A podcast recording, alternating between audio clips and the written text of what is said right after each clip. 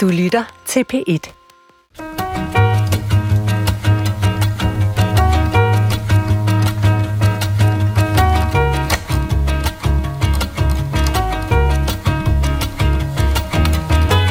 Velkommen til Klog på Sprogs nytårsudsendelse, hvor vi vil fejre det nye år ved at tage et kig tilbage på det forgangne år og reflektere over de vigtige begivenheder, der har fundet sted.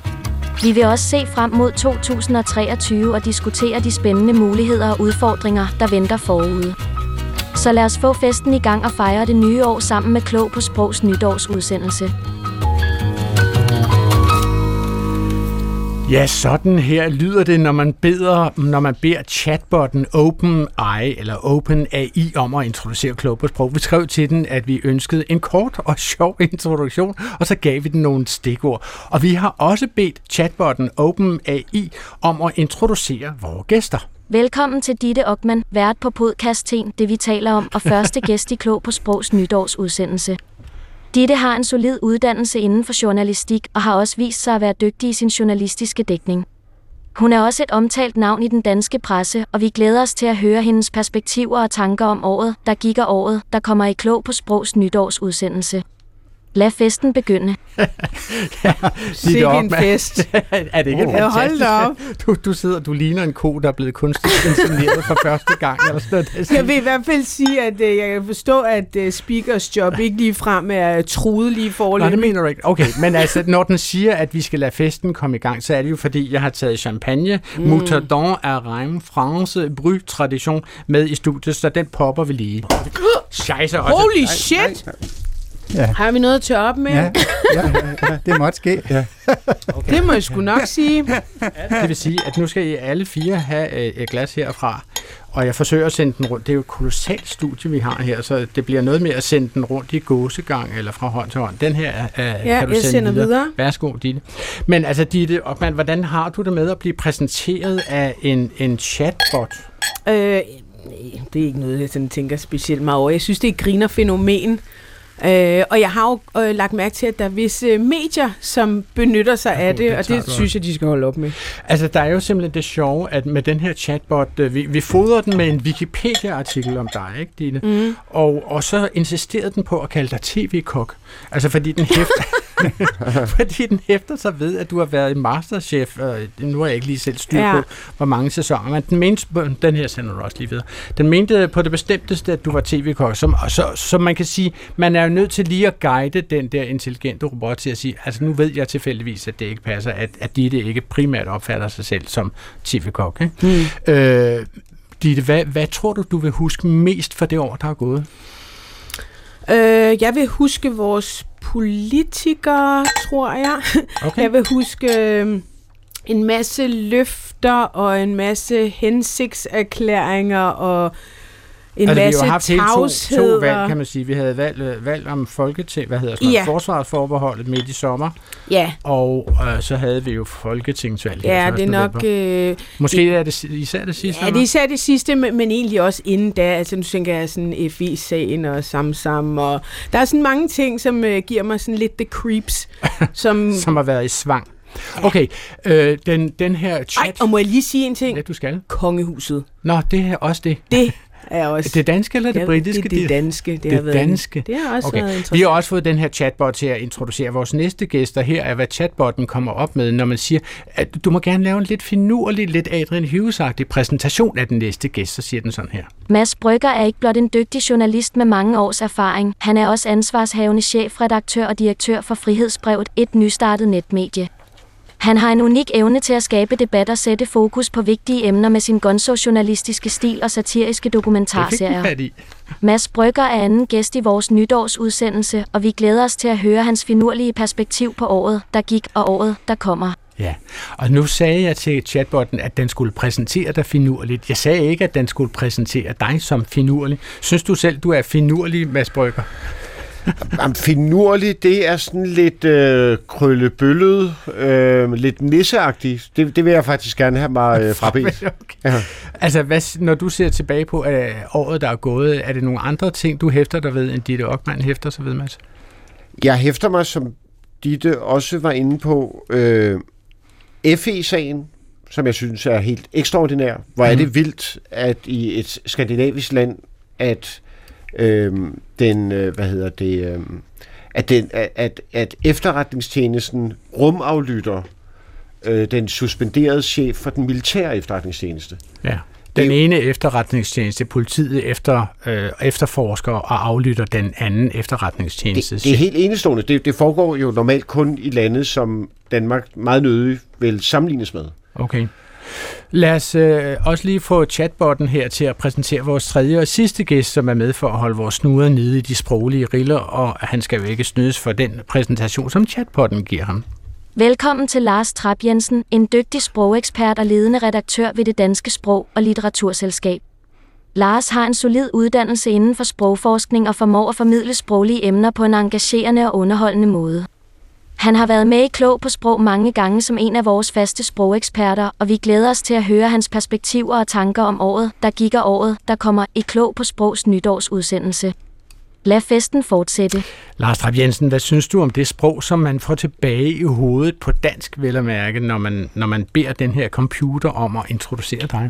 Jeg er faktisk meget imponeret over det. Det lyder jo næsten dansk, og det kan godt være, at det ikke kan konkurrere med en studievært. Det vil jeg give dit ret i, det kan den ikke.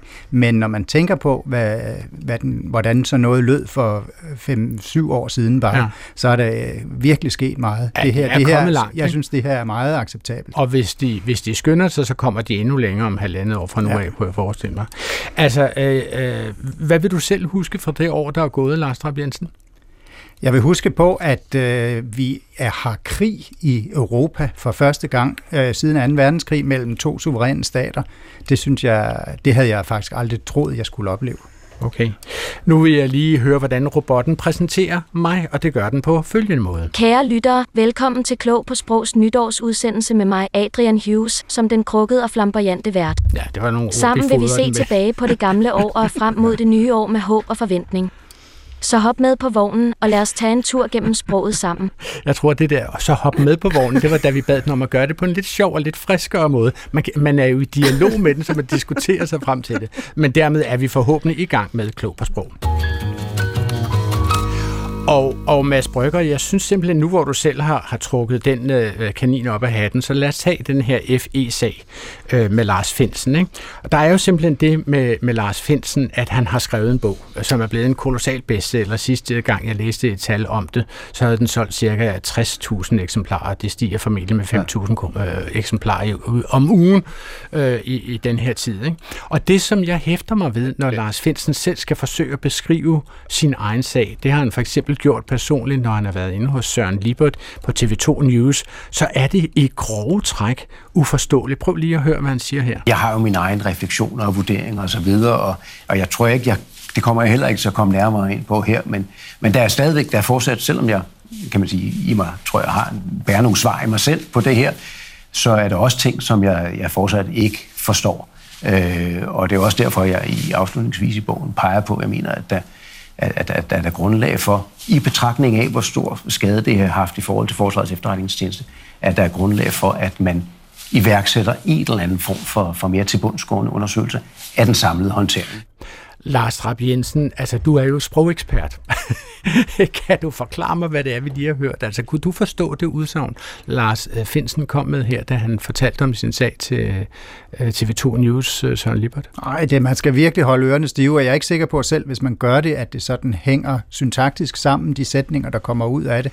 Fordi han, han freestyler jo lidt, og, og, og, og, og det er jo det, vi gør i talesproget. Så kommer der et nyt indfald, Øh, han prøver at være meget forsigtig, øh, og det skal jeg love for, at, at han gør, fordi han får nærmest sagt ingenting. Ja, Mads Brygger, du er jo meget inde i den her sag. I har også dækket den i frihedsbrevet. Altså, kunne du forstå, hvad han sagde her? Synes du, det var helt indlysende klart? Han har helt klart øh, uld i mund. Det er næsten sort tale. Han, han holder sin egen bog ud i strakt arm i et pincetgreb. Hvorfor gør han det? Jamen, fordi at... Øh, at altså forud venter jo øh, retssagen, og alt hvad han siger kan og vil blive brugt imod ham. Øhm, det, det er klart, og det forstår man godt, men samtidig men så... Men han, han er dog sammen med, jeg tror hun hedder Mette Øh, Albæk. Albæk, ja. Øh, Miley Albæk, eller sådan noget den stil, øh, har han skrevet bogen, så man skulle tro, at han kunne stå på mål for, hvad han har skrevet sammen med hende i bogen. Ja, det, det bliver lidt absurd, for det virker som om, han nærmest ikke vil kendes ved sin egen bog. Okay. Øhm, især i det her Libert-interview, da Libert endda spørger til departementchef Barbara Bertelsens rolle, Ja. hvor der i bogen nærmest direkte står, at det er hende, der vil have ham ned med nakken. Og Så i bogen bliver det beskrevet som en personfejde mellem Lars Finsen og Barbara Bertelsen. man forstår i hvert fald, at der er ondt blod imellem dem. Men ikke engang det vil han rigtig øh, tale om, da han øh, sidder over for Libert. Okay. Øh, Ditte Ockmann, du har jo haft den her sag i det, vi taler om, din mm. podcast, Ja. mange gange, Ja. fordi du jo stort set ligger i ske. Nej, det gør du næppe, men altså Peter Ernstved Rasmussen, altså redaktøren af Olfi, kommer jo tit forbi Ja. i det, vi taler om. Ja. Han er en god kilde for dig til at forsøge at forklare, hvad hele den her sag øh, handler om. Ikke? Jo. Jeg havde nær sagt, selv når han gør det, kan jeg godt have svært ved at forstå det. Altså forstår du, hvad den her Altså, sag jeg handler om? Ja, og jeg forstår egentlig også godt, hvad det er, han siger. Jeg forstår ikke, hvorfor han er så forsigtig, fordi nu ligger der jo, øh, jeg ved ikke, om den er 320 sider, eller hvor lang det den er. der, ja. Øh, så, så, så på den måde forstår jeg ikke, hvorfor han er for, så forsigtig, men han siger jo dybest set, jeg har en masse meninger om det her. Øhm, jeg håber, der bliver lavet en undersøgelse.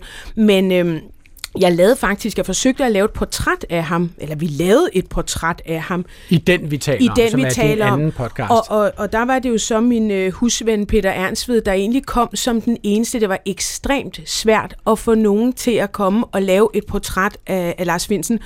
Og øh, de, de øh, argumenter, jeg fik for et øh, beklagende, øh, beklagende nej øh, til at medvirke, det var jo, at folk var simpelthen bange for at blive arresteret eller tilbageholdt af politiet. Og det var altså ret vildt at, at sidde og høre på. En del journalister er jo allerede blevet afhørt i forbindelse med sagen. Øh, og så, var der, øh, så fandt jeg ud af, at der er nogle medier, der har lavet en decideret køreplan for, hvad de gør, hvis en journalist eller en chefredaktør lige pludselig ud, øh, nu siger jeg ud af det blå, men skulle blive anholdt eller tilbageholdt. Hvordan, øh, hvordan øh, medier holder møder og ikke bare slukker deres telefon, men lader deres telefoner ligge helt uden for det lokale, hvor der bliver holdt møder. Altså, det synes jeg faktisk var ret vildt. Det, det er totalt knaldet. Og, altså, det, og kan- det siger lidt om, altså, hvor fuldstændig uforudsigelig denne her sag er, og også hvor hæftigt øh, vores politikere, eller politiet i hvert fald, øh, har reageret, når man er begyndt at sigte Claus Hjort Frederiksen, og det har sgu, øh, det har sgu chokeret en, en del på øh, arbejdspladserne.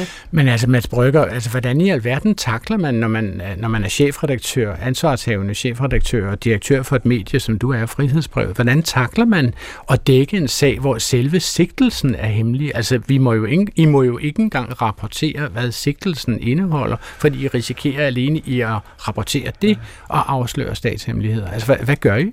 Jamen, øhm, det er Du skal en- tættere på mikrofonen. Jamen, det er en udfordring. Øhm, også fordi det, det hele er svøbt i hemmelighed i en grad, så det tangerer det absurde. For eksempel, hvis og når og så fremt Lars Finsen bliver dømt, så øhm, kan det meget vel tænkes, at domsfældelsen vil være hemmelig.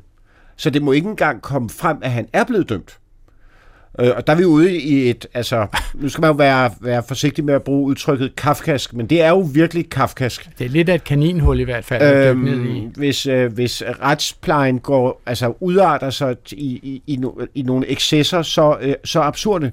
Men rent journalistisk, så, så, så er det jo et spørgsmål om at forsøge efter bedste beskub at finde frem til kilder, der som regel kun til baggrund vil, øh, vil sige noget og pege ind i en, i, en, i en retning, og så kan man måske være så heldig, at man har en, en, en kritisk masse af, af kilder, der øh, hvad hedder det, sammenfaldende siger, jamen der skete det her, og der skete det her. Men pointen er jo, at, at det her ser jeg jo også som et forsøg på at øh, intimidere efterretningstjenestens mm. eget personale. Det, det har helt åbenlyst virket. Altså folk er, er lukket i som en østers. Dem, der tidligere talte med journalister, skal ikke nyde noget. Det handler også om at øh, true øh, øh, medierne, t- trykke chefredaktører på maven. Det har også virket. Må jeg spørge, altså er, er I et af de medier, som har planer for, hvad I vil gøre, hvis du bliver anholdt, for eksempel? Har I været nødt til at lave en plan for det? Jamen, der, altså, vi, vi, vi taler jo øh, løbende om IT-sikkerhed og hvordan vi øh, opbevarer og øh, beskytter vores data. Øhm, vi har heldigvis øh, hvad hedder det, flere chefredaktører. Vi er udover mig selv, øh, Flemming Ruse og Christoffer Eriksen, så, så vi, vi går ikke ned, hvis jeg lige pludselig mm. sidder i, øh, okay. i uh, kashotten. Hvor stor en rolle tror jeg, det her kommer til at spille i det år, vi er på vej ind i? Altså, hvor meget kommer vi til at tale om det her? Tror, jeg du, håber, kom... vi kommer til at tale rigtig meget om det, øh, fordi det her, det er jo lige pludselig blevet sådan en, øh, ja, nu, nu siger masse kafkask, men det der med, at man er bange for, øh, for staten, altså ikke engang øh, øh, Finsens advokater kan få fuld indsigt i, hvad anklagerne går ud på, så er vi jo fuldstændig uden for al lov og ret. Okay. For Lars Trapp Jensen, du nævnte jo i starten af programmet, at for dig var det skældsættende, at Europa lige pludselig er i krig. Der, eller mm. der er i hvert fald krig i Europa mellem to suveræne stater, som du kaldte det, altså Rusland på den ene side og Ukraine som den, øh, den part, der er blevet overfaldet og invaderet af Rusland. Ikke? Øh, det her er jo også en kamp om sprog, kan man sige. Russerne går kolossalt meget op i, at når de sætter sig på Ukraine, sætter de sig også på det ukrainske sprog, og midt i kampens hede sætter de jo folk rundt for at skifte vejskilte og den slags i Ukraine for at sætte russiske stavemåder på ukrainske betegnelser. Og Mathilde Kimer var tidligere på året her i Klog på Sprog og fortalte, hvordan hun er nødt til at forholde sig til, at hun desværre, siger hun, ikke er så dygtig til at tale ukrainsk, som hun gerne ville være, for det her betyder mere og mere for ukrainerne. Jeg kan lige høre hende her der er signalværdi, men der er jo også det, at rigtig mange ukrainere er jo begyndt aktivt at lære det. Om det er aftenskole, eller de sidder og tærper. Øh, og, og, og på mange måder var det inden krigen, den her bevægelse. Altså vi havde jo mm. en, en præsidentkandidat, der jo gjorde det til en del af sin kampagne, at han gik aktivt ind og forsøgte at lære øh, ukrainsk. Og nej, det er ikke tvingende nødvendigt. Jeg kan godt som udlænding øh, blinke med, min, øh, med mine øjenvipper og sige, undskyld mig, men der var kun øh, russisk på skoleskemaet, da jeg var barn. Blink, blink, blink. Det var der sikkert også på dit. Men hvis jeg vil vise respekt, øh, så tiltaler jeg folk på ukrainsk og starter med på ukrainsk og undskyld for, at jeg ikke er flydende. Lars Trapp Jensen, altså hvor stor en rolle vil du sige, at sproget har i den her øh, konflikt mellem Rusland og Ukraine? Det har bestemt stor signalværdi, øh, og øh, man kunne se det med årets ord, som øh, blev kåret her tidligere. Det var jo også øh, et ord derfra. Kiev, altså vi stadig Kiev. Kiev stadig ja, ja. på ukrainsk. På den ukrainske måde, ja. Og det får en kæmpe symbolværdi det sproglige, som Mathilde Kim også her redegør for. Det skal man ikke undervurdere. Altså Mads og, og Ditte, har I nogensinde oplevet at blive udfordret på jeres sprog? Er der nogensinde nogen, som har angrebet jer for det sprog, som I taler, og er blevet bedt om at tale et andet sprog? Hvad vil du sige til det, Mads?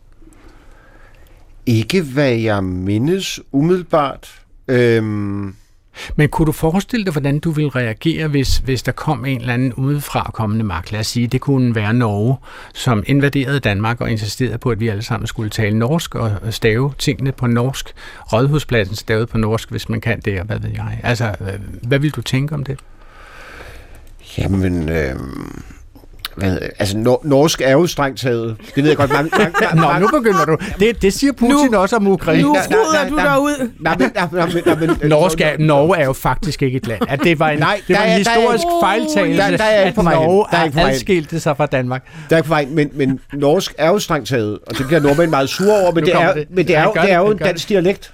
When in a hole, stop Kommer der bare kæmpe hadmails til dig. Det er en dansk dialekt. Det er simpelthen en dansk dialekt. Men det er jo nøjagtigt det, som Putin faktisk siger om Ukraine. Han, han siger, at den helt store fejl, det var, at Ukraine overhovedet blev udskilt fra Rusland. Han siger, at det var en fejl, som Lenin begik, altså en bolsjevistisk øh, kommunist, siger han så, og det var simpelthen en fejl. Og det er den fejl, han er i færd med at rette nu. Så man kan sige, at krigen mod Ukraine startede i Putins mund med, at han frakendte Ukraine sin egen nationalitet, altså sin egen suverænitet.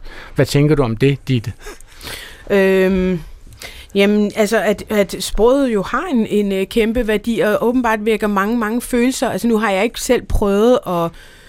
Øhm, det eneste, sådan, jeg egentlig kan komme i tanke om, det er, at folk har et, et, et enormt øh, stærkt øh, forhold til, at jeg banner meget. Ja, øh, og det kan folk, øh, det kan pisse folk fuldstændig sindssygt af. Og, der vil de gerne bestemme, hvilke ord jeg bruger, og hvornår, og i hvor stort et omfang og sådan noget. Det, det, det, er, det kan vække mange følelser. Ja, altså det er, jo, det er jo det, vores program lever af, kan man roligt sige. Altså folk mm. hisser sig gevaldigt uh, meget op om sprog. Altså Thomas Hesbæk Andersen kom forleden dag i Klog på Sprog uh, til at sige, ja, der er nogen, som har forsøgt at hijacke denne afstemning om årets ord ved at indstille ordet kølekæde. Og så, det var ikke ophidsende, at der var nogen, som forsøgte at kidnappe uh, den der proces. Det var ophidsende, at han brugte ordet hijack, fordi det var jo selvfølgelig engelsk, og det skulle han naturligvis ikke have gjort.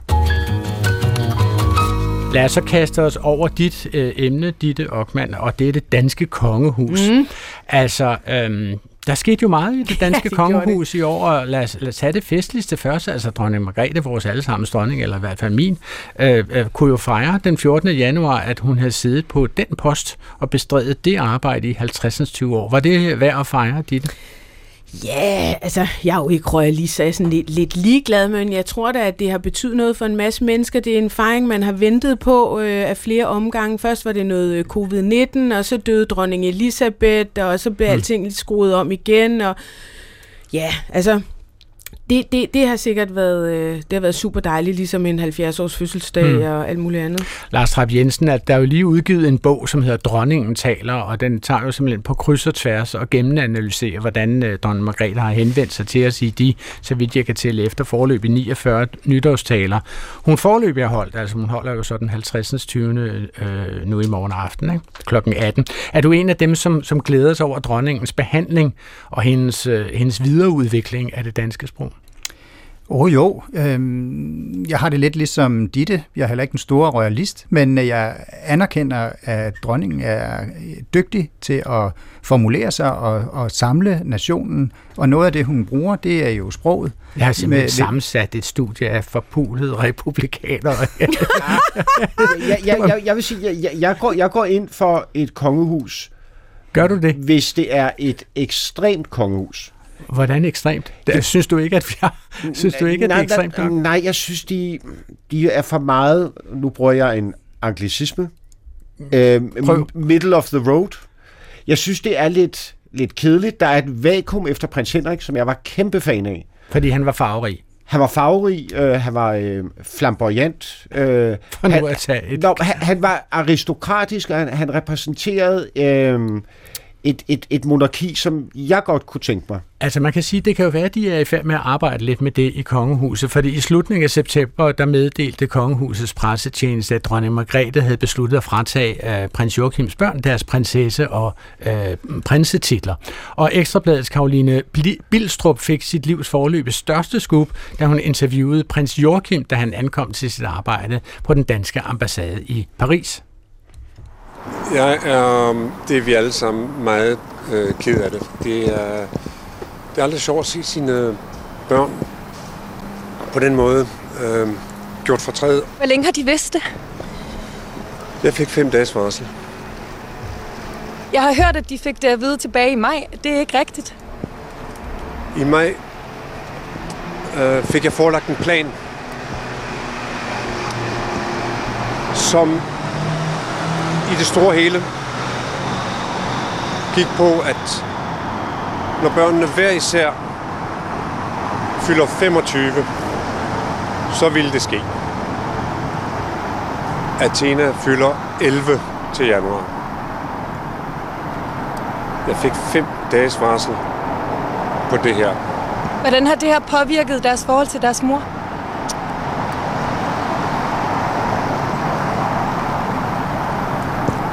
Det tror jeg ikke, jeg behøver at uddybe her. Ja, vi har jo taget hele det her klip med, fordi ja. der er nogle meget lange pauser og en meget larmende lastbil, kan man roligt sige. Jeg går ud fra, at du har set klippet flere ja, gange. mange gange. Ja. Jeg elsker det. Han, han bliver jo meget rørt øh, over det her, Joachim. Bliver du rørt af at se ja, ham Ja, jeg var ved at græde, da jeg så det, og Hvorfor? jeg er ikke engang royalist. Jamen, fordi at her der ser man en mand, som er... Øh, såret på sine børns veje, øh, vegne, og så er han formentlig også blevet sadet over af sin storebror og mor, og de har ikke engang talt sammen. Altså, det hele er jo bare altså, ulideligt at se på, synes jeg.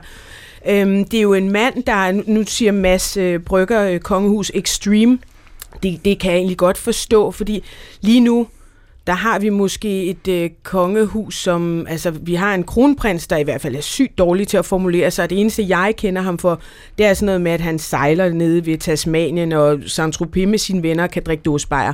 Og, og, og så har vi her en mand, der faktisk har taget det helt sindssygt alvorligt. Mm. Han har taget det helt vildt alvorligt, siden dengang han blev født. Og, og, og, og, og, og nu bliver han bare øh, losset ud øh, på sådan en ret uværdig måde, det må jeg skulle sige. Øh. Så det var både sådan, at jeg havde lidt ondt af ham, men jeg tænkte også, hvad fanden er det for en familie? Kan du forstå, Mads Brygger, den her strid om ord, som det jo dybest set er, om man kalder sig prinsesse eller prins? Jeg kan godt forstå, at det er et problem for prinsesse Athena i forhold til øh, hendes øh, venner og veninder i skolen, at hun har været prinsesse, og det er en del af hendes identitet, og så skal hun lige pludselig forklare, øh, at nu er hun ikke prinsesse. At nu er hun ikke, nu er hun ikke det længere. Nej. Nu er det, hun kun hendes excellence eller deres excellence strengt Det ved jeg godt, skolebørn ikke går og siger til hinanden, men det er jo sådan set det statusfald, der ligger Jamen, det, i det, det. Det tror jeg, alle forældre kan sætte sig ind i. At det er, at det er, en, det er en svær situation. Øhm, jeg synes også, når man hører øh, prins Joachim øh, forklare sig her, at det er slående, hvor flot dansk han taler. Det synes jeg. Hvorfor skulle han ikke tale flot dansk? Han er født i Danmark og vokset op i Danmark. Jo, men, men det er sådan et... Øh, det er dans, som øh, man finder på Herlufsholm. Øh, man finder det i, i, i, i Kongehuset. Det er sådan et... Øh, Kongehuset er jo sådan et repositorium for øh, en, en, hvad hedder det, sådan en, en, en, en, en højtidelig måde at tale dansk på, som jeg virkelig godt kan lide. Vil du øh, give Mads Brygger ret i det, Lars Trapp Jensen? Er, er kongehuset et sted, hvor man sådan ligesom har støbt en udgave af dansk i akryl, som vi nu kan kigge ind i, som om at det var en museumsgenstand? Det var min formulering af, hvad Mads sagde. ja, til dels. Altså, det er jo rigtigt, at øh, det er et konservativt øh, dansk, øh, som ligger sådan lidt nord for København, ikke? og med de signaler, som det udtrykker, ja, det er rigtigt. Altså, dronning Margrethe er jo blevet spurgt om det her på den røde løber på et tidspunkt. Helt uhørt har folk kastet et spørgsmål ud til ja, hende. hvad bilder de sig ind? Øh, da hun var på vej ind til en eller anden fest øh, på Nationalmuseet, så vidt jeg husker. Og der kom hun frem til journalisten og siger, øhm, det er overvejelser, som jeg har gået med ganske længe, og jeg tror, det er godt for dem, altså for børnebørnene. Og i en anden pressemeddelelse, der er kongehuset sagt, vi forsøger, øh, det, det har til hensigt og give de fire børnebørn friere rammer til at skabe deres egen tilværelse, uden at være begrænset af de særlige hensyn og forpligtelser, som et normalt tilhørsforhold til kongehuset som institution indebærer. Hvad vil du sige til Jamen, det? der vil jeg egentlig bare sige, at det er jo rent bullshit. Altså, man behøver jo ikke at være professor i noget som helst. Det er rent bullshit. De der børn, de havde alligevel mistet deres prinser og prinsessetitler det øjeblik, de var blevet gift. Borgerligt gift. Ja, og det er der nok en ret stor sandsynlighed for, at de bliver alle fire. Så det øjeblik, de havde giftet sig, så havde de øh, mistet den titel. Noget andet er, de koster ikke samfundet en krone. Vi har allerede slået hånd på, de skal ikke have nogen apanage. Så det her, det er rent symbol. Det er fuldstændig unødvendigt, og det er derfor, at det bliver en lille smule usympatisk set udefra. Men Lars Trapp Jensen, vil det også være sådan øh, i, i de lærte diskussioner, I har i jeres salonger i øh, det danske sprog og litteraturselskab, vil I også sige, at øh, det her vil jeg øh, henlægge, henlægge under betegnelsen bullshit? den måde, som kongehuset beskriver den her fratagelse af prinse Nej, og Nej, det, det er jeg ikke sikker på. Øhm, altså på den måde betyder det jo noget med titlerne. Øh, så jeg vil snart sige, at jeg er lidt, lidt mere ærgerlig over håndteringen af det, fordi prins Joachim har jo ret i, at hvis de havde ventet til de var 25, Men det øh, så, var, så havde de haft tiden til at vende sig til det. Men øh, og det, så ville det ikke være det personlige. bullshit, det er jo, at det skulle være gjort for børnenes skyld, for at give dem frihed. Hør lige her, der er ikke nogen af de børn. Så så skulle man måske okay. begynde at ringe ja. til sine børnebørn bare en gang imellem og spørge, hvad, hvad siger I til det her? Jeg vil gerne gøre jer en tjeneste. Nej tak, farmor. Altså, det, det, det, det, det, det er på den måde, det er bullshit.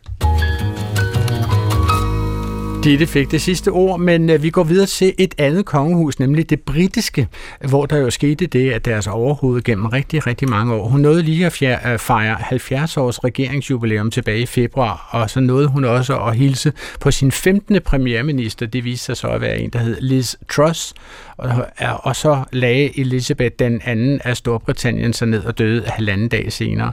Og det var så uventet og uvirkeligt, at det måtte siges, lad os bare sige det, meget grundigt, for at alle kunne forstå det. A few moments ago, Buckingham Palace announced the death of Her Majesty Queen Elizabeth II. The palace has just issued uh, this statement. It says the Queen died peacefully at Balmoral this afternoon. To recap on the statement, the Queen died peacefully at Balmoral this afternoon. The King, that is Charles, uh, and the Queen Consort will remain at Balmoral this evening and will return to London tomorrow. Lars Rapp Jensen, hvad, hvad synes du om det sprog, som BBC's nyhedsvært Hugh Edwards her benytter til at annoncere dronning Elisabeth den andens bortgang? Altså han prøver jo at finde den højtidlige stemning frem ved at tale uh, unaturligt langsomt, og også den der gentagelse, der kommer, det understreger situationens alvor. Hvad, hvad siger I andre til, at det bliver gentaget så mange gange? Jamen, jeg var øh, vildt begejstret for BBC's dækning af øh, dronning Elisabeths død. Det var, det var det fulde Aarhusbrus. Det var som om, at de havde ventet i... Altså, Et stykke tid. Ja, det var nogle planer, de havde haft liggende klar i chatollet. Helt klart. Det har de ventet på i årtier, det her. Det gætter man på, de har. Øhm, og det var, også, det var også som om, at det, det var her, BBC ligesom fandt deres altså, sande kald, deres eksistensberettigelse. Altså for at være øh, det fælles lejrbål for hele Storbritannien. Ja. Øhm, og så, så fra dag har jo har, har der jo fuldt altså, en perlerække af guddommelige øjeblikke. Hvilke? Jamen det allerbedste er, da Kong Charles skal møde Liz Trust, og hun, hun kommer ind i, uh, i, i tronrummet og, og, og, øh, og, og, og nejer for ham, og så kan man høre ham sige, oh dear, oh dear. Jamen det, det, det er jo fordi, han, han når lige akkurat at begynde at, bes, eller undskyld, Liz Truss når lige akkurat at begynde at beskrive rigets tilstand. Og så når man at høre ham sige, åh, oh, det er... Ja, ja, det... Før, for, fordi det hele står meget, meget, meget skidt ja, det, til. Det hele står i flammer. I øjeblikket, ja. Altså, Ditte Ockmann, du, du sidder jo kan knap nok holde ja, ja, dine, ja. dine hænder ud af, af munden. Alle de europæiske kongehuse er ved at ja, øh, save sig altså, selv midt over. Men altså, i forlængelse af det her kommer jo så Netflix øh, seks afsnit lange ja. øh, dokumentar, hvor Harry og Meghan er nogle kendt som The Dutch, uh, The Duke and Duchess of Sussex, uh, beskriver hele deres situation, og hvorfor de var, følte, at de var nødt til at forlade det britiske kongehus og ovenikøbet emigrere til et fremmed land. Har du set den uh, dokumentar? Ja, jeg forsøgte, må jeg indrømme, uh, og jeg fik ikke gjort den færdig. altså, jeg synes, det er helt ekstremt kedeligt, så vil jeg faktisk uh, sige, at de selv leverer et uh, langt bedre show, uh, bare ved at følge dagspressen, og det er både øh, selvfølgelig Meghan Markles øh, far og søster og Harrys udtalelse og øh, Oprah Winfrey. Og, altså, Altså, jeg kunne selv have klippet øh, et enkelt eller to afsnit sammen, som havde det hele. Altså, det er en meget, meget langtrukken og langsomt produceret øh, Ja, altså, men jeg, jeg vil lige hæfte mig lidt ved noget af det sprog, som, som klistrer til Meghan Markle for eksempel. Ikke? Jeg, jeg så i går, at Jeremy Clarkson, oh, ja. altså han føler ja. en meget stærk uh, antipati mod Meghan Markle. Uh, han skrev nogenlunde følgende i en klumme i den britiske tabloidavis uh, The Sun. Meghan, though, is a different story. I hate her. Og så sammenligner han hende med en barnemorder, og han hader Meghan mere end barnemorderen. Ikke? En kendt britisk barnemorder. Og så skriver han, At night I'm um, unable to sleep as I lie there, grinding my teeth and dreaming of the day when she is made to parade naked through the streets of every town in Britain, while the crowds chant shame and throw lumps of excrement at her. Hvad siger du til det som, som en sproglig øh, øh, udmelding, Lars Trapp Jensen? Overdrivelse fremmer forståelsen, og det øh, prøver han at ramme her, øh, og det gør han ret godt. Du tror, jeg. han overdriver lidt? Trods alt. Hvad siger du, Mads? Det er jo en scene fra Game of Thrones, ja. som, er det en reference, ja. som han øh, fremmaner her. Ja, og efterfølgende, altså en kendt scene. Ja, Ja, og efterfølgende, da folk går amok over denne klumme og øh, siger, at du er syg, hvad der er galt med dig osv., så, videre, så fremkommer han med en undskyldning, men mm. han undskylder, at han øh, altså har brugt Game of Thrones som øh, øh, reference i sit... Altså han undskylder mere over for Game of ja. Thrones fans, end han undskylder over for Meghan Markle? Ja, præcis. Men, men altså, Ditte Ockmann har Meghan Markle og, og øh, Harry, prins Harry, en pointe i, at Meghan Markle er blevet helt usædvanligt uleset og strilet af den britiske offentlighed på grund af ja, hendes det, race. det, tro, det tror jeg da egentlig nok, de har. Ja, ja det, det, det tror jeg. Øhm, der er bare så mange lag i det her, og jeg vil sige, de har ikke ligefrem selv holdt sig tilbage med at holde den i live. Altså, der er jo ikke nogen, der har udtalt sig mere end Meghan Markle og Prince Harry. Så på den måde, altså vi har jo, lige, vi har jo ikke set uh, dronning Elizabeth, uh, may she rest in peace, eller vi har ikke set uh, Charles, eller, altså det er også dem selv, der ligesom bliver Som ved med at spænde. Prøv lige høre, der er talkshows, der er bøger, der er nu en Netflix-serie, uh, lige om lidt kommer Harry med en bog. Altså, jeg kunne godt have lavet en anden strategi for dem, hvis, uh, hvis det skulle have været. Du lytter til Klog på Strå, øh, der i anledning af nytårsaften i morgen handler om året, der er gået. Og jeg har selskab af en dejlig flaske champagne, og jeg, hvis I ikke har... Mm. Når jeg kan se, du har drukket ud, øh, send lige den her flaske ned Mads. til Mads. Og øh, mine gæster er nemlig i dag Ditte Ockmann, journalist, sladerdronning og podcastvært, og Mads Brygger, som er i færd med at hælde op i sit glas.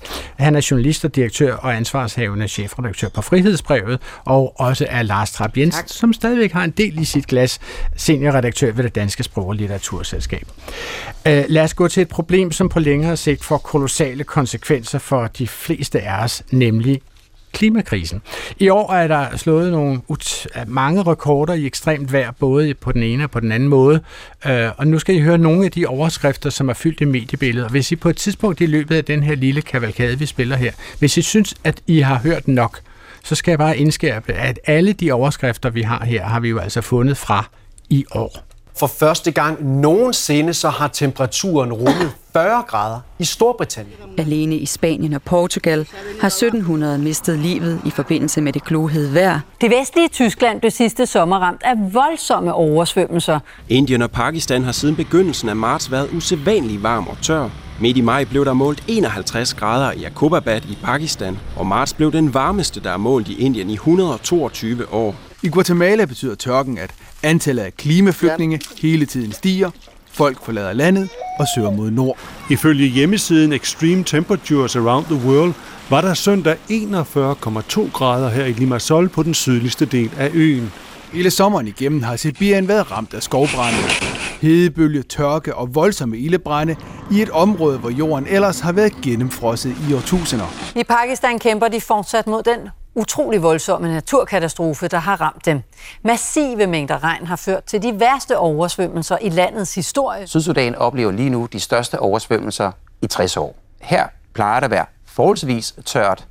Det er det ikke længere. Reelt taler vi om mindst 1 million dyre- og plantearter, som er ved at forsvinde fra vores jord. Også herhjemme, hvor flere end 1.800 arter lige nu er meget konkret truet af udryddelse. Ja, jeg havde jo advaret om, at det ville blive et meget langt klip. Synes du også, at det var et meget langt klip, øh, dit Ockmann? Kunne du holde ud og høre alle de hæstlige ja, nyheder samlet på et sted? det kan jeg, men øhm, jeg kan også mærke, at jeg, at jeg et eller andet sted godt ved, at jeg ikke har løsningen, så, så det er måske også begyndt lidt at Altså zoner man ud ja, efter et stykke tid, når man har hørt sådan en kavalkade her? Jeg kan ikke lide at sige det højt, men ja. Nej, men det er vel, altså Lars Trapp Jensen, det er vel en ret naturlig tendens, at når man får tilstrækkeligt mange dårlige nyheder serveret i rap øh, lige i hovedet, og de alle sammen er katastrofer, jamen så, så mister man måske simpelthen opmærksomheden på det på et tidspunkt. Ja, det tror jeg helt sikkert er tilfældet. Man snakker jo meget om øh, krige i Afrika, eller glemte krige.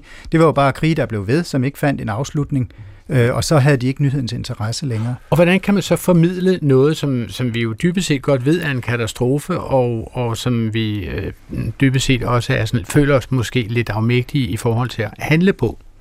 Jamen, så skal man jo finde en ny vinkel på det, øh, og, og sådan er det jo også, og i det her tilfælde, der er jo masser af afledte effekter. Ja. Øh, så snakker man øh, om øh, omstil, grøn omstilling og øh, energikrise og alle mulige andre ting, som hænger sammen med det. Ja, biodiversiteten blev lige berørt, så det er ikke kun ekstremt vejr. Ja. Hvad siger du til det, Mads? Det er i hvert fald blevet mere interessant end nogensinde at tale om vejret. Men øh, altså, jeg, jeg tror i virkeligheden, at jo, øh, jo mere indkapslet og håndgribeligt det bliver, jo bedre i forhold til øh, journalistik. Mm. Hvor vi på Frihedsbrevet øh, i løbet af året øh, oplever, at vi bringer en historie om Teresa Scavenius fra Alternativet, øh, som jo er et parti, der øh, virkelig altså, kærer sig om øh, klima og grøn omstilling osv., at hun har fløjet ganske meget mellem øh, København og Aalborg. Ja. Og det bliver hun så forholdt, og så siger hun så, jamen altså, hun mener, at det er et forsøg på at udskamme hende, og det ikke handler om, hvad det enkelte menneske gør, men at det er systemisk, det handler om de store systemiske forandringer. Ja. Hvad, synes, hvad synes du om det argument? Jamen, det kan man så være for eller mod. Det interessante er, at den artikel publicerer vi. Jeg havde simpelthen ikke forestillet mig, at det ville udløse en debat, der øh, altså, simpelthen går amok og var flere uger. Øh, øh, det er i deadline, der bliver skrevet ledere om det i politikken og i Berlingske ja. osv. Øh, og, men, men er det så en debat om klimamasse, eller er det en debat om at udskamme en konkret kvindelig politiker? Det, begge dele. At det er først og fremmest en reaktion på, at, at folk øh, virkelig kæmper med sig selv med det med, mm. skal jeg have dårlig samvittighed, når jeg flyver? Øh, skal jeg måske tage toget, og så videre, ikke? Ja, dit. Jamen, altså, det er egentlig meget sjovt, fordi det, det, det affødte nemlig en hel, altså hendes svar affødte en hel masse, og så tage, kan vi tale om, var det meget hun fløj, eller kan man overhovedet leve liv, liv uden at flyve?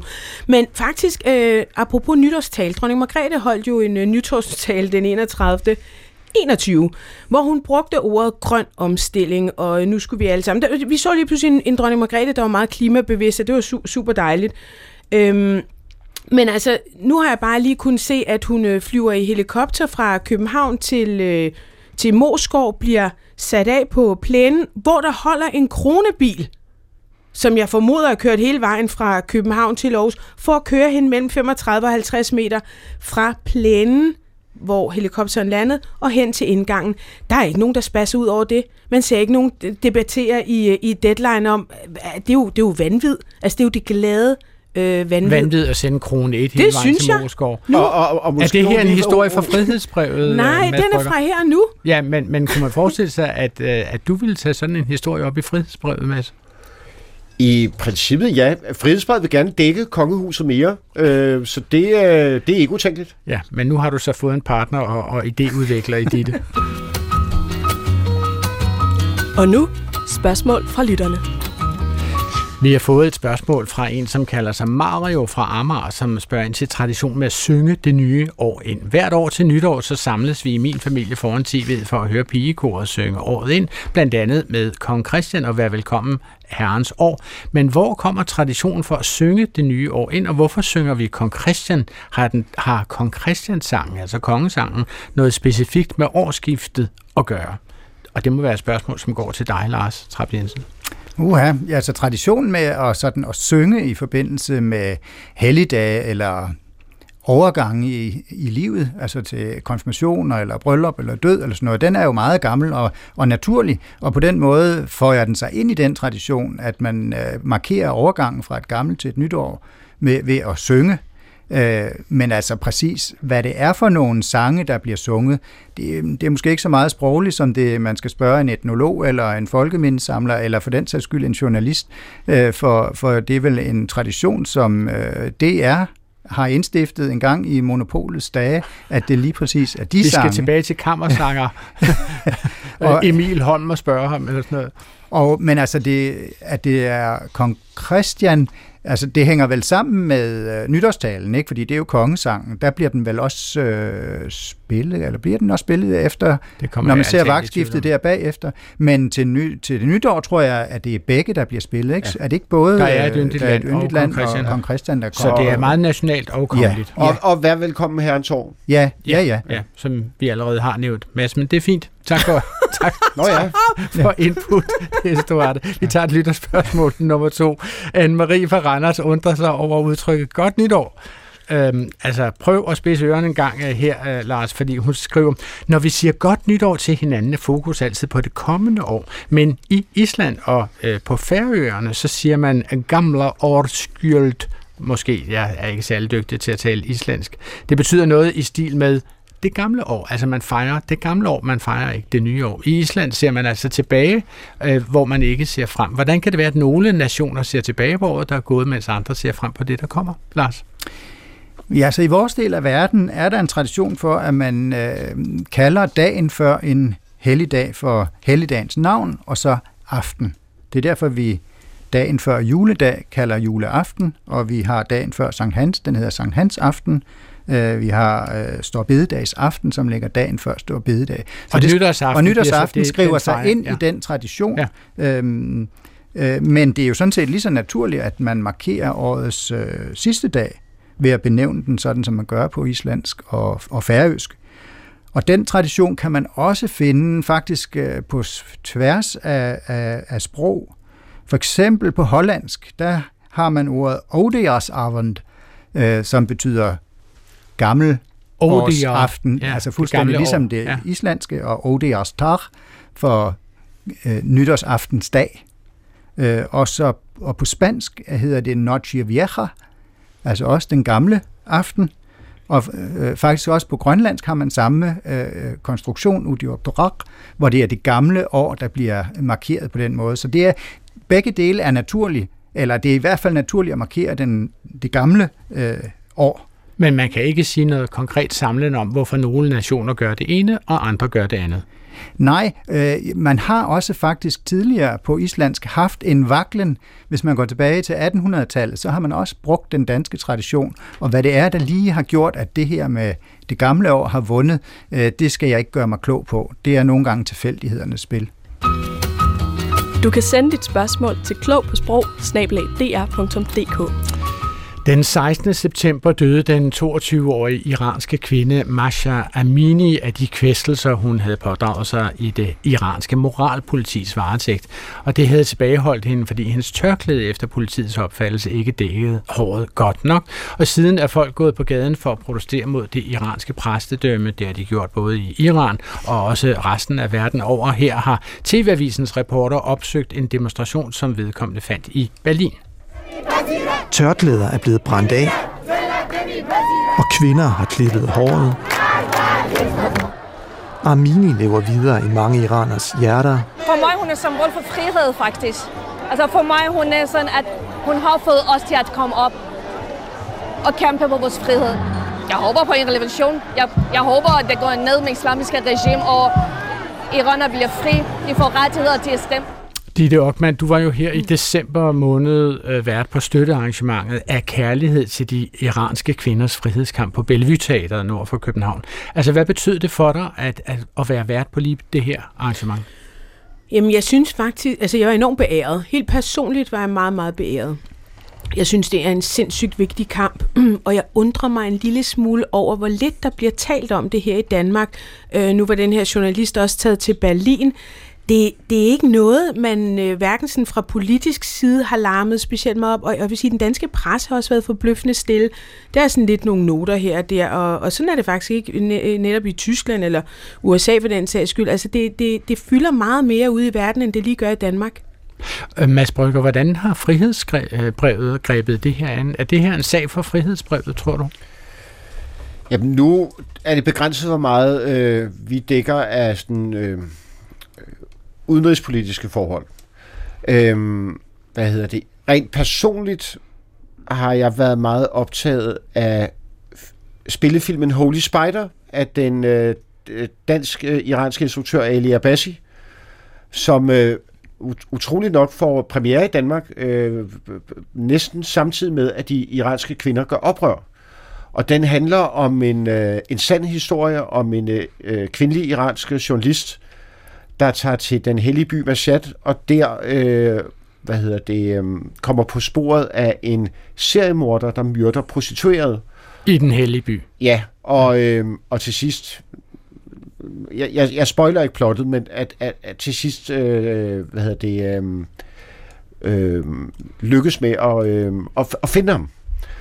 Øh, det, er, det er en utrolig god og, og meget tankevækkende film. Og det er grundlæggende sådan, som jeg forstår det, for jeg har ikke set den, men jeg forstår, at det, det er en film, som problematiserer, at der var en hel masse øh, iranske mænd, som sympatiserede med kvindemordere, ja. og syntes, at det var egentlig en rimelig måde at rydde op i et samfunds øh, øh, forhold, som, de ikke, som ikke var velkommen for dem. Ja, altså ikke kun øh, manden på gaden, men også øh, præstestyret, politiet, retsvæsenet osv., Øhm, de var i, i udtalt grad på seriemorderens side. Hvilket jo siger meget om øh, hvad det iranske samfund, og, ja. den, og, og den kamp, iranske kvinder kæmper. Noget andet er, at deres kamp er jo også vores kamp på flere måder. I den forstand, at Putins Rusland og øh, pressestyrets Iran er i ledtog med hinanden. Øh, Iran leverer droner til øh, russerne. Og, øh, Så de er allierede? De er, de er nære allierede, og det samarbejde, det, øh, det øges, øh, eskalerer osv. Øhm, et, et, et frygteligt scenarie, det er jo, hvis russerne hjælper øh, Iran med at få øh, atomteknologi. Så, øh, så alt, hvad man kan gøre for at bringe dette regime til falds, det, øh, det skal man øh, bakke op om. Okay. Lars Rapp Jensen, har protesterne mod præstestyret i Iran givet anledning til, til nogle forskydninger i, eller nogle sproglige refleksioner hos jer, der, der redigerer den danske ordbog? Altså jeg vil sige meget let, og det skyldes jo nok, som de, de siger, at det har ikke været så voldsomt øh, profileret, den her sag. Vi laver jo øh, sådan måned for måned en oversigt over ord, der ligesom stikker snuden langt frem. Øh, og det eneste ord, der bonger ud på den konto, det er ordet moralpoliti, som vi har hørt om. Men ellers ja. er der ikke rigtig nogen øh, spor efter sagen. Og hvad, hvad tænker du som, som sprogekspert om ordet moralpoliti? Altså, hvad, øh, hvad, hvad giver det dig af fornemmelser eller associationer? Altså, det er jo ikke et ord, der er nyt i den forstand. Vi har brugt det, vi kender det også fra tidligere, men ofte er det jo blevet brugt sådan i overført betydning om nogen, der kommer og skal bestemme, hvad der er rigtigt og forkert. Men her er det jo så åbenbart et øh, konkret øh, politikorps, som er ansat til at håndhæve øh, hvad der skal til for, at man er en god muslim. Altså er det bare mig, eller, eller altså jeg synes jo, det her lyder som noget fra tjenerindens fortælling, eller sådan noget den stil, mm. altså mm. det som noget fra en roman. Hvad tænker du om det, Ditte? sådan, sådan har jeg egentlig ikke øh, set på det før, og, og det er rigtigt nok, at det starter jo med en, øh, en kvinde, kamp, men det er jo nu, øh, og siger heldigvis, øh, udviklet sig til at være en, øh, en kamp. Altså det er det iranske folk, der mm. kæmper for frihed og for demokrati. Den 1. november så fik vi et øh, folketingsvalg, og halvanden måned senere så fik vi en regering, en regering hen over midten mellem Socialdemokratiet, Venstre og Moderaterne. Det var en regering, som tidligere har været betragtet som nogenlunde lige så sandsynlig som en hvid enhjørning med et øh, verdensmesterskab i trebande karambole. Men altså her er noget af det, som Venstres øh, øh formand Jakob, Jakob Ellemann Jensen sagde henholdsvis før og efter valget. Nej, vi kommer ikke til at øh, indgå en regering sammen med Socialdemokratiet. Der skal være en advokatvurdering, øh, når vi kommer hen på den anden side af valget. Jeg har ikke tillid til Mette Frederiksen. Jamen, jeg synes, det har været et, øh, et godt og øh, konstruktivt forhandlingsmøde. Man kan ikke starte et regeringssamarbejde, hvis et sådan det måtte komme, med en advokatvurdering af landets statsminister. Var det det, jeg gik til valg på? Nej, det var det ikke. Var jeg meget ultimativ? Ja, det var jeg. Men helt ærligt, skal jeg lade min egen stolthed forhindre, at vi gør det rigtige? Ja, Lars Reif Jensen, hvis vi skal bare lige øh, her indledningsvis kigge lidt på Jakob øh, Ellemann Jensens retoriske dagsform i den her sammenhæng. Synes du, han slipper godt fra at sige, øh, nu er der en anden virkelighed, nu handler vi på det grundlag, som ligger foran os? Ah, det er vist det, man kalder en feberredning, og jeg synes ikke, det lykkedes super godt, han, men det er også en svær sag at vinde. Ja, det kan man sige. Altså, Ditte Ockmann, du var jo simpelthen ved at dø. Ja, ved at dø det her klip. Hvad er det, du synes er så sjovt? Jamen, det er fordi, at jeg, at jeg ikke kan forstå det. Altså, jeg kan ikke forstå, hvordan man som voksen mand, og faktisk ikke helt ny i politik, altså, hvordan man med sådan jeg har lyst til at sige ren samvittighed. For det første kan stille sig op og sige, han kan ikke være så dum, at han ikke kan forudse, at han kan risikere at stå i en helt anden situation efter valget. Altså, det er der, hvor det sådan stikker af for mig, om, om, om, om det i virkeligheden bare er kynisme, om det bare er, nu bruger jeg ordet igen, bullshit. Altså, vi skal have nogle vælgere, så langt der er med, men at man netop er så ultimativ, det begriber jeg ikke i mit hoved, at en voksen mand kan stå og være, når han bagefter kan risikere at stå og trække det hele i land. Hvad siger du til det, Mads? Jeg synes heller ikke helt, den forklaring holder vand, fordi at det er i hvert fald tankevækkende, at dagen efter valget, hvor resultatet er kendt, og øh, han, han ved, at øh, vælgerne har øh, hældt hans øh, planer om, at han skal være statsminister øh, ned ad brættet, der sidder han i publicistklubben, som, øh, som traditionen er, og, og siger, at Mette Frederiksen er aldeles redselsfuld. Ordret. Er det det, han siger? Ja, er, er hun til stede i samme rum? Øh, så vidt jeg husker, øh, Eller, ja. Nej, hun havde sendt nej, hun, den afløser, Nikolaj Vammen, ja. havde hun sendt i stedet for sig selv. Hun, hun, øh, hun har sendt en øh, vikar. Ja. Men, men han siger ordret, at hun er aldeles redselsfuld. Øhm, det, det, er jo, det er jo en meget markant udtalelse, ja. som kommer efter resultatet, valgresultatet er kendt. Så synes det bare mærkeligt, at man så, øhm, hvor meget var det, 42 dage senere, øhm, Danmarks længste regeringsforhandlinger nogensinde. Ja, er blevet best friends forever. Men det virker på mig som om, at I mere kritiserer, hvor ultimativ han udtalte sig før valget, end I kritiserer den, det, han siger om sin deltagelse i regeringen nu. Jamen, der kunne jeg jo godt tænke mig, at der blev spurgt mere ind til, for at starte et sted, hvad var det, du mente var redselsfuldt ved Mette Frederiksen? Ja, det kunne du godt tænke dig at spørge det, ham. Det, det, kunne, det kunne jeg godt tænke mig at få udbordet. Ja. Og, ja. og så i forlængelse deraf, hvad, hvad er det, der gør, at du ikke længere synes, hun er redselsfuld? Det bliver faktisk det sidste ord her i Klog på Sprog, øh, hvor vi slår smut hen over udvalgte begivenheder i 2022. Der var mange andre ting, vi også kunne have talt om. Vi kunne også have talt længere om de enkelte ting. Jeg vil gerne sige tak og skåle med mine gæster, som i dag var Ditte Ockmann, journalist, dronning ved både live og podcast udgaver af det, vi taler om. Og tak til Mads Brygger, journalist og direktør samt ansvarshavende chefredaktør på Frihedsbrevet, og lige udkommet med bogen Dr. Maxwell, formoder jeg. Og også tak til Lars Trapp Jensen, seniorredaktør ved det Danske Danske Sprog- og Litteraturselskab. Udsendelsen i dag er for sidste gang tilrettelagt af Hector Brunhøj Husum, som takker af med disse underliggende toner, som han har insisteret på, og også øh, tilrettelagt af Svala Sigfuser Dottir, som herudover havde ansvar for teknikken. Mit navn er Hughes, Adrian Hughes. Vi bliver så glade, når I sender os kommentarer, debat og spørgsmål per mail til klog på sprogsnablag, øh, dr.dk. Det her program ligger også på DR Lyds app. Vi lyttes ved i det nye år.